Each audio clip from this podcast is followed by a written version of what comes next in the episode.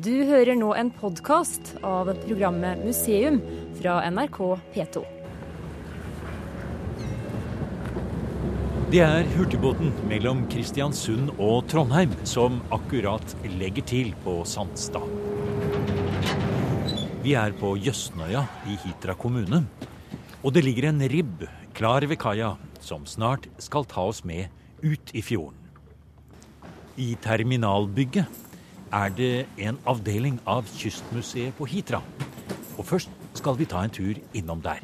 La oss se her. Fiskeolje, vitaminer, mineraler, rapsolje, hvetegluten Under et stort maleri av den norrøne havguden Eger forteller fagkonsulent Hans Jakob Farstad om havbrukets behov for pellets av ulike slag. Kan du skru opp uh, lokket på henne? For det går Det kan du lukte på absolutt.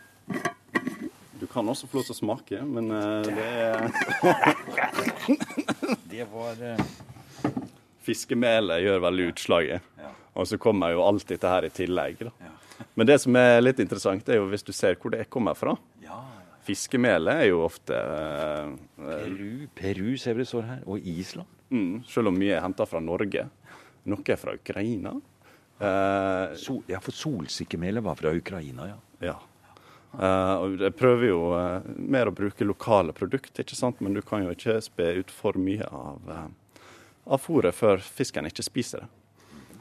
Og så er jo dette her eh, stoffet her, akstantin. Okay, Og det er jo faktisk det som gjør at laksen blir rød. Altså får rødt kjøtt. Eh, det er jo egentlig ligger naturlig i kreps og skalldyr, men den får han jo ikke ute på oppdrettsanlegg. Så da må du tilføre dette her. Og så er det jo pellets, da. Så alt blir pellets. Det er oppdrettsanlegg på alle kanter i fjordene rundt Hitra og Frøya. Og på land er det produksjonsanlegg for alle de virkelig store gigantene. Her finner vi Lerøy Midt, Marine Harvest og SalMar. Og på den par-tre timer lange bilturen det er ut fra Trondheim, er det både tunneler og nye veier, og noen ganger smale og svingete veier. Det er ingenting som har så dårlig tid som en død laks, heter det på disse trakter. Og i gjennomsnitt går det 70 vogntog i døgnet på disse veiene. Drømmen er at i framtiden vil i hvert fall noe av årsproduksjonen på 250 000 tonn bare fra Hitra og Frøya-regionen gå på kjøl. Sett under ett for hele landet er vi i et område som står for omtrent 20% av den samlede produksjonen av laks i hele Norge. Det historiske veier også tungt når vi sier at dette er temmelig nær sentrum i Havbruks-Norge. Det var nemlig her, på Hitra, at de legendariske fiskeskipperne Ove og Sivert Grøntvedt var de aller første til å starte lakseoppdrett i merder. Det skjedde allerede på slutten av 1960-tallet. Og på toppen av det hele er det selve havguden Eger som har inspirert Kystmuseet på Hitra. Det handler om balanse mellom saklig formidling og næringsinteressene, sier avdelingsleder for havbruk Jørgen Fjellvær. Vi kjenner jo til Sefs og Poseidon fra gresk og romersk eh, mytologi. eh, Og Eger er den, eh, om ikke en havgud, så i hvert fall han som hadde ansvaret for havet i den norrøne mytologien. Så sammen med kona Ran og sine ni døtre, så styrte de havet. Og de ni døtrene ser vi i form av bølgene på havet. da. Eh, Eger var veldig opptatt av balanse i alt han gjør, og det samme er jo vi på Kystmuseet. Vi må ha en balanse i det vi gjør. Vi kan ikke være for pro det ene eller det andre. Vi må prøve å formidle begge delene. Så Eger er på en måte det formidlingskonseptet som vi har valgt. da. Eh, Og det med den Eger-tankegangen, det er faktisk over et 20 år gammelt prosjekt som vi har holdt på med her ute i regionen her. Eh, Men det går helt tilbake til Sivert Grøntvedt og Grøntvedt-brødrene og deres tanker om det å formidle og fortelle om havbruket. Ja. Vi har eh, 70 nasjonaliteter representert utpå her. I, grunnskolen eh, så har lærerne ei flott utfordring, for de skal undervise i 16 fremmedspråk. Eh, Og vi har en 12-15 forskjellige trossamfunn utpå her. Eh, Så litt spøkefullt så bruker vi å si at eh, man trenger ikke å reise til Oslo øst for å eh, oppleve sammensatte og multietniske samfunn. Det er bare å ta seg en tur langs kysten, så får man se det. Ja. Og Det er jo i all hovedsak havbruket som er driveren for dette her. da. Mm. Så det er viktig å ha med seg. Hver, jeg tror det er hver fjerde eller hver femte hitteværing er ikke norsk. Ja. Han har en annen etnisk opprinnelse. Tidligere så var det mye sesongarbeidere. De kom de kom, jobba kanskje et halvår, da det var litt mer sånn sesongvariasjon. Nå er det mer helårsnæring på slakteri- og videreforedlingsvirksomheten. Eh, og så kom de eh, kaldene bare og jobba, så for de hjem i feriene. Men nå ser vi trender, eller nå eh, kommer de med hele familien. Kona blir med. Ungene tar del i skole, kulturaktiviteter og sånn, lærer seg språket. Ja. Så, I mine øyne så er det ikke noe problem i hele tatt med, med de fremmedarbeiderne som flytter hit til regionen. Det, det, er kjempebra. De bidrar på en veldig positiv måte i, i lokalsamfunnet. Kystmuseet på Hitra er en del av MIST-museene i Sør-Trøndelag, og har et spesielt ansvar for havbruk og samtidsdokumentasjon i nettverket for kystmuseer. Man kan godt si at Kystmuseet på Hitra går rett inn i sin samtid og deltar i næringslivet, ikke som kommersiell aktør, men som formidler. Kystmuseet har nemlig én av de 20 konsesjonene for oppdrett som ble gitt av Fiskeridepartementet i Bondevik II-regjeringen på begynnelsen av 2000-tallet. Med Lerøy Midt som operatør er det Kystmuseet som eier konsesjonen, og de kan bruke anlegget som om det skulle ha vært en del av en utstilling. Det er bare det at utstillingen er et levende og høyst oppegående produksjonsanlegg i full drift langt ute i Trondheimsfjorden. Men et slikt samarbeid med næringslivet for et museum er ikke helt uproblematisk, sier Jørgen Fjellvær. Det var faktisk opp til styrebehandling i MIST i fire styremøter. Eh, for man var, hadde en, en, en, naturlig skepsis for å gå inn i et eh, forpliktende samarbeid med næringslivet. Men man ser nå at dette tror jeg er veien å gå framover. Eh, man ser det kanskje utenfor landets grenser òg. En mye tettere interaksjon og samarbeid, kultur og næring. Ja. Så på en måte så var vi litt eh, eh, hvis vi skal se det sjøl, litt eh, først i løypa. og det, det, høster vi litt skryt for per i dag. Ja. det eneste som Lerøy, næringsaktøren, stiller krav til oss på museet, er at det vi gjør, skal vi gjøre med kvalitet. Utover det så har de ikke noe De skulle ha sagt i hvordan vi driver formidlinga, hva vi formidler osv., så, videre, så lenge vi gjør det med kvalitet. Og sånn må det være òg. Vi kan ikke ha at næringslivet er redaktør i ei utstilling for oss, eller sånne ting. Ja. Eh, og da Legg merke til at eh, på ryggen der så står det vi som forteller historien, og ikke Lerøy sjøl. Ja, eller næringsaktøren sjøl. Ja. Men det er museet som forteller på en eh, balansert måte, jf. det Neger holder på med. Ja. For vi skal ikke være noe propagandaapparat for noen av partene her. Eh, når vi kommer ut på anlegget, så er det vanlig ordinær drift. Eh, det eneste driftslederen får, er en liten tekstmelding fra meg på morgenen, eh, og så er det det de får se. Altså er det avlusning, så er det det våre besøkende får se. Er det håndtering av dødfisk, så er det det besøkende får se. Eller slakting, høsting, you name it. Så på en måte, vi liker å si at våre besøkende får et innblikk i havbruksnæringa akkurat sånn som den er den dagen, med det de holder på med. Så det er ikke noe sånn vi har ikke, sminka, vi har ikke et sminka opplegg. Nei. Hvis du kommer deg ut, får litt vind i håret, litt, blir litt rødlett i kinnene? Og, og kjenner litt lukter og sånne ting, så um, det styrker formidlinga vår betraktelig.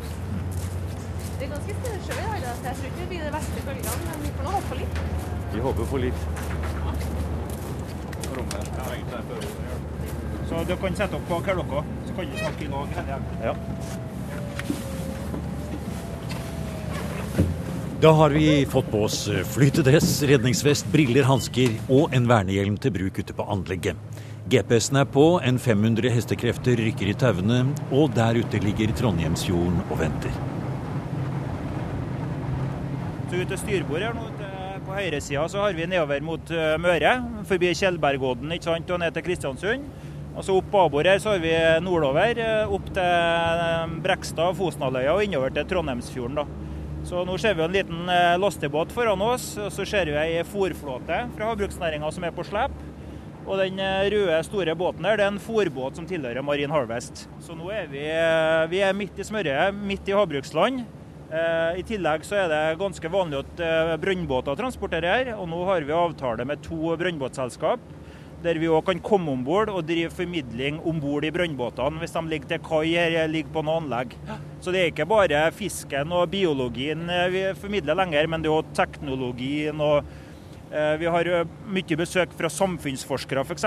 Vi var jo inne på det i stad i forhold til eh, det sammensatte samfunnet i Hitra kommune. Eh, Og det er veldig attraktivt for spesielt NTNU å drive og forske på. Og da er det ofte at Kystmuseet som tar imot dem og fasiliterer for slike besøk. da. Ja. Og for et, eh, en flott naturopplevelse der også. Ja. Se denne grå, store, tunge himmelen hvor det liksom kommer noen blå flekk innimellom. Så er det noen regndråper som sliter seg, Ja. og så er det nesten ikke vind i det. Ikke ennå, i hvert fall. Nei. Det er ikke noe vind ennå. Nei, og vi ser, er det, Var det døtrene til Eger som vi ser leke litt rundt oss her nå? Ja, det er korrekt. Eh, De ni døtrene til Eger ser vi i form av eh, i form av bølgene på havet. Og nå nesten altså duver litt. Og eh, Eger har jo bl.a. en datter som heter nettopp Duva. Ja. Og nå ga du på litt ekstra fordi at vi skal foran baugen på en av de eh, Ja. eh, fòrbåtene som kommer der. Og han kjenner deg, tenker jeg, så når han ser deg fra brua og på radaren så vet han akkurat hva det er som skjer. Ja, jeg tror, jeg, jeg tror det er vi som skal ha oss unna veien til han. Jeg er en god del større, han. Så, men nå er det litt Dette er en typisk dag på Trondheimsleia eh, ved Hitra. Og det, det er artig å kunne ha med besøkende ut på, på sånn. Det er litt eh, kunnskap, og så er det en god del opplevelse. Og det tror jeg er en eh, killer combination. Det tror jeg, og dette vi er midt ute i nå, det er vel eh, det moderne Norge. Det moderne Kyst-Norge. Ja. Vi sitter altså i en ribb og går i en 23 knop, og det er topp moderne utstyr på land. Ja. Båtene rundt oss ser vi tilhører den moderne eh, næringen Marine Harvest. Michael Mikael Witt går forbi oss der. Eh, samtidig så er det dette eldgamle kystlandskapet, den eldgamle leia, Ja. som har vært her siden eh, ja. ja, vikingtiden og jernalderen og bronsealderen. Det, ja, eh, helt korrekt. Det, er jo havet som er grunnlaget for alt dette her, som det har vært i tusenvis av år. Skal vi se, nå ble det litt sjøgang her. var en liten aktebølge fra Ja. Nei, det er jo det havet som er grunnlaget for alt dette her, som det har vært i tusenvis av år. Og det er jo det med å dyrke havet eh, og få det til på en eh, Det er et litt slitt begrep, men eh, bærekraftighet. Eh, og da har jo eh, dette her evighetens perspektiv, hvis vi gjør det på eh, naturen sine premisser og eh, ja. Jeg- jeg- jeg- Jeger sin tankegang, rett og slett, med balanse. Også så flott det er. Bare det å se, se rundt oss her nå. Ja. Det er jo en opplevelse, en fantastisk naturopplevelse i tillegg. Absolutt. Akkurat nå så tror jeg vi skal gi på litt, så vi holder Ja, er tidsplanen. Ja. Er vi klar? Her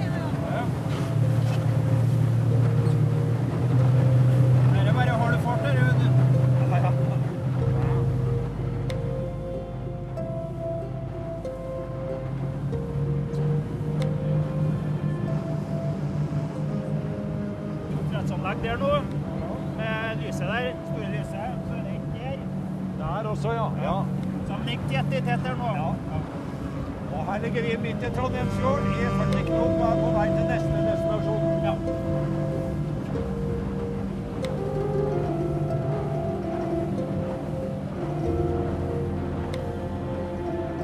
Vi skal snart om bord på en fòrflåte og se på produksjonen der. Men mens ribben suser av gårde midt ute i Trondheimsfjorden, tar vi en avstikker et par hundre år tilbake i tid, til et dramatisk skipsforlis som forteller en annen historie om hvordan forholdet til havet kan skape både myter og virkelighet. Her står vi foran en fiskestim. Er den til å gå gjennom, eller er den til å se på? Ja, det er til begge deler. Du må gjerne gå gjennom. Dette her er tusenårsstedet for Hitra. Det er en eh, skulptur, kan vi si, da, med to store plater eh, og lys nedimellom. Og det er skåret ut silhuetter av laks da, som svømmer der. Ja, det er havet som alltid har vært næringa her ute. Eh, selv om det har vært mye jordbruk, så er det, har det alltid vært havet folk har stola på og eh, vært avhengig av. Og det er en veldig sentral del i det vi holder på med her på Kystmuseet. Da går vi inn i laksestimen.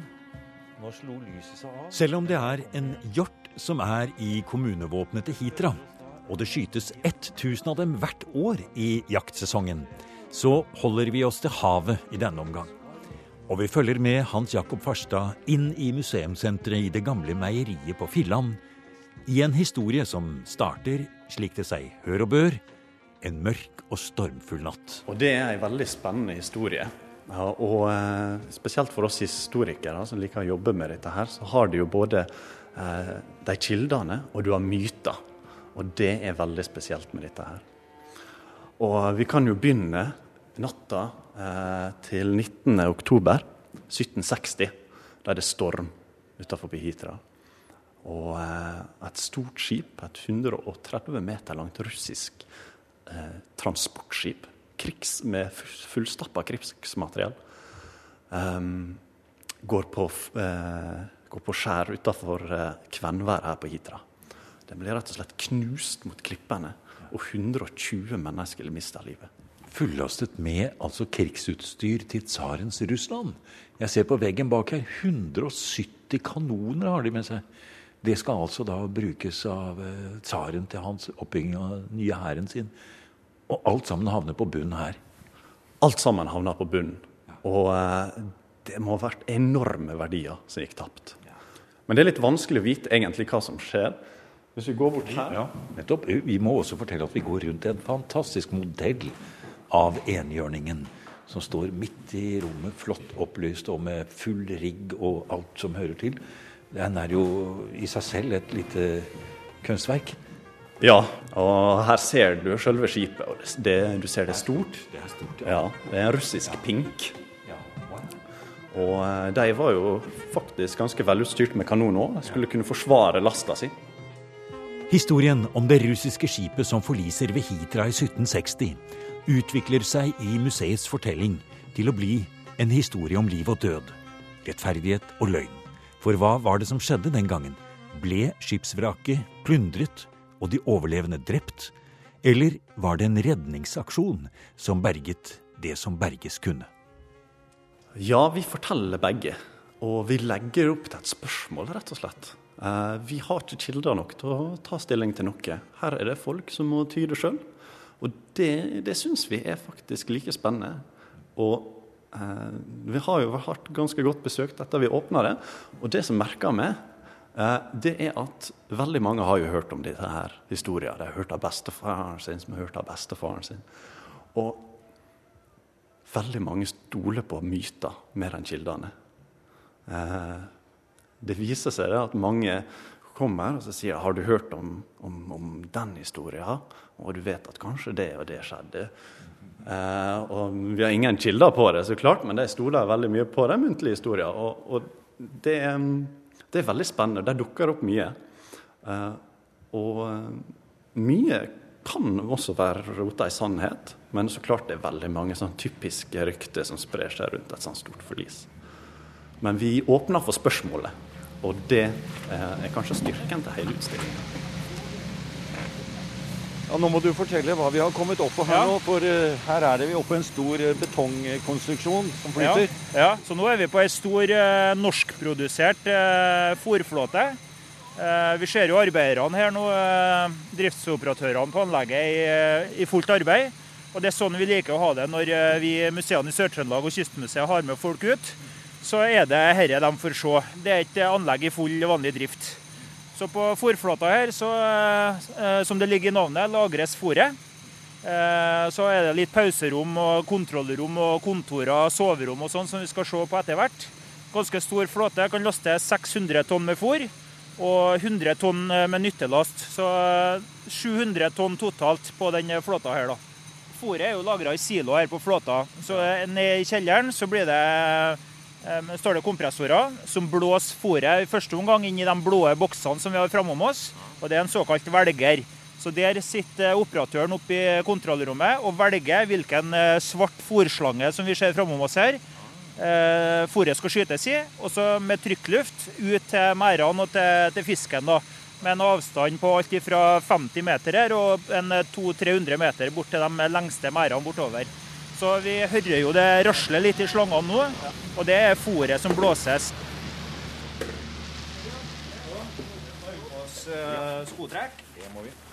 Dette ser ut som på broa på en, på en eh, moderne båt. Masse skjermer. Driftsoperatøren står og følger nøye med. Og se på de bildene som er på skjermene der. Der er altså kameraet nede i merdene.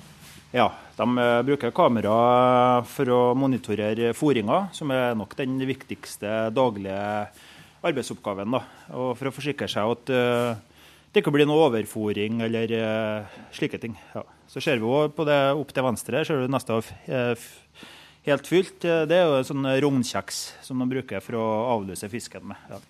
Rensefisk da, fungerer bra på det jevnlige, men den klarer ikke å ta unna toppene. Og Da må man til med annen type avløsning. Eh, lite medikamentbruk nå, men det er mye ikke-medikamentell behandling. da, Spyling, ferskvann, varmvann osv. Eh, med varierende grad av eh, resultater. Ja. For det er jo et av de problemene som havbruksnæringen da må løse? Ja, absolutt. På politisk nivå nå så er det jo at man får jo ikke noe økning i produksjon før man har håndtert luseproblemet. Og det er på tide at uh, næringa klarer å komme opp med noe her nå som uh, virkelig gjør vei i vellinga. Det eksisterer sikkert en 15-20 eh, forskjellige måter å avløse den fisken på, men det er ikke noe eureka-løsning uh, per i dag. Og det er noe som våre besøkende er veldig opptatt av.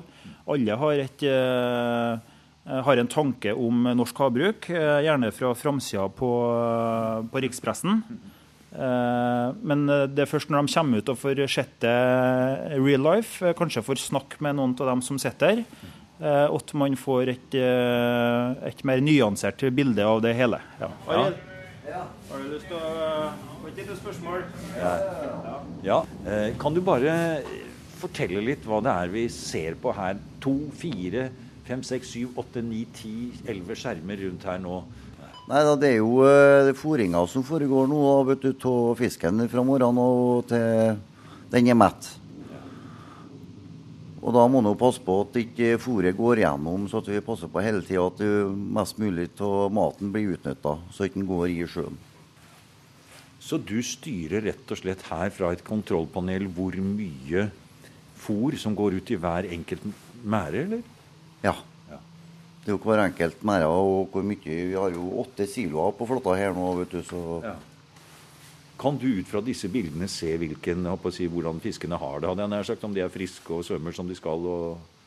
Ja, du ser jo det. Her har du kanskje ja. en som er litt svakere. Han er en taper, som du ser. Han er litt tynnere enn andre. Ah. Så han er ganske bra oppløsninger og sånt på skjermene. Det, det, var en, det, var en, fiskepinne, det? Det var en fiskepinne, ja. ja. Det var en ikke så glad laks. Nei. Var det. Her ser du, Nå kommer det fôret oppi her, ser du. Ja, der ser jeg det. Ja. Og det er litt annen konsistens på den. Ja. Så du må være litt trent øye for å se det. Ja.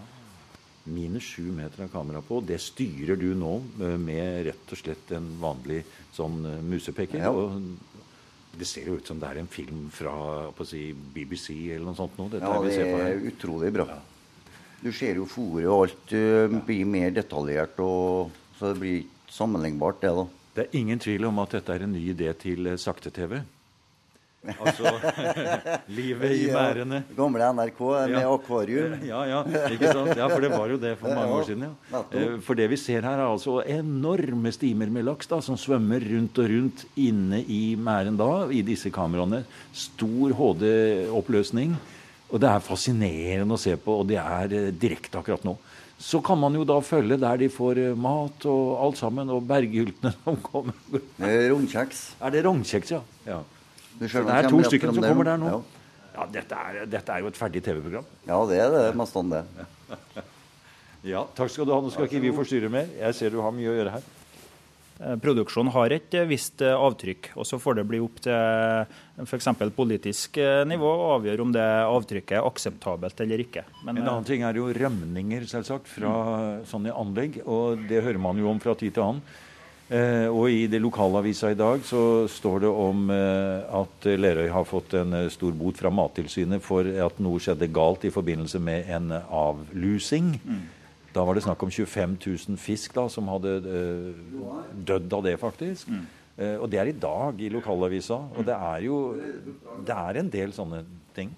Ja, det er det. Og det er noe som våre besøkende helt klart får med seg. Eh, og det er det som gjør det utrolig interessant og givende å ha en sånn jobb som vi på Kystmuseet har òg. Der det vi formidler og Eh, å drive museumsaktivitet rundt, det er høyaktuelt, det er dagsaktuelt. Eh, det er på lokalt, regionalt, nasjonalt nivå. Noe som alle har en formening om.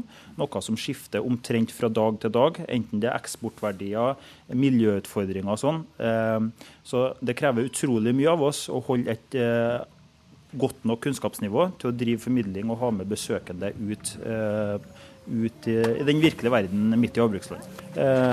Så får eh, besøkende danne seg sin egen mening om eh, hva det er de har sett. OK, da. Da kjører vi. Du har nå hørt en podkast av programmet Museum fra NRK P2.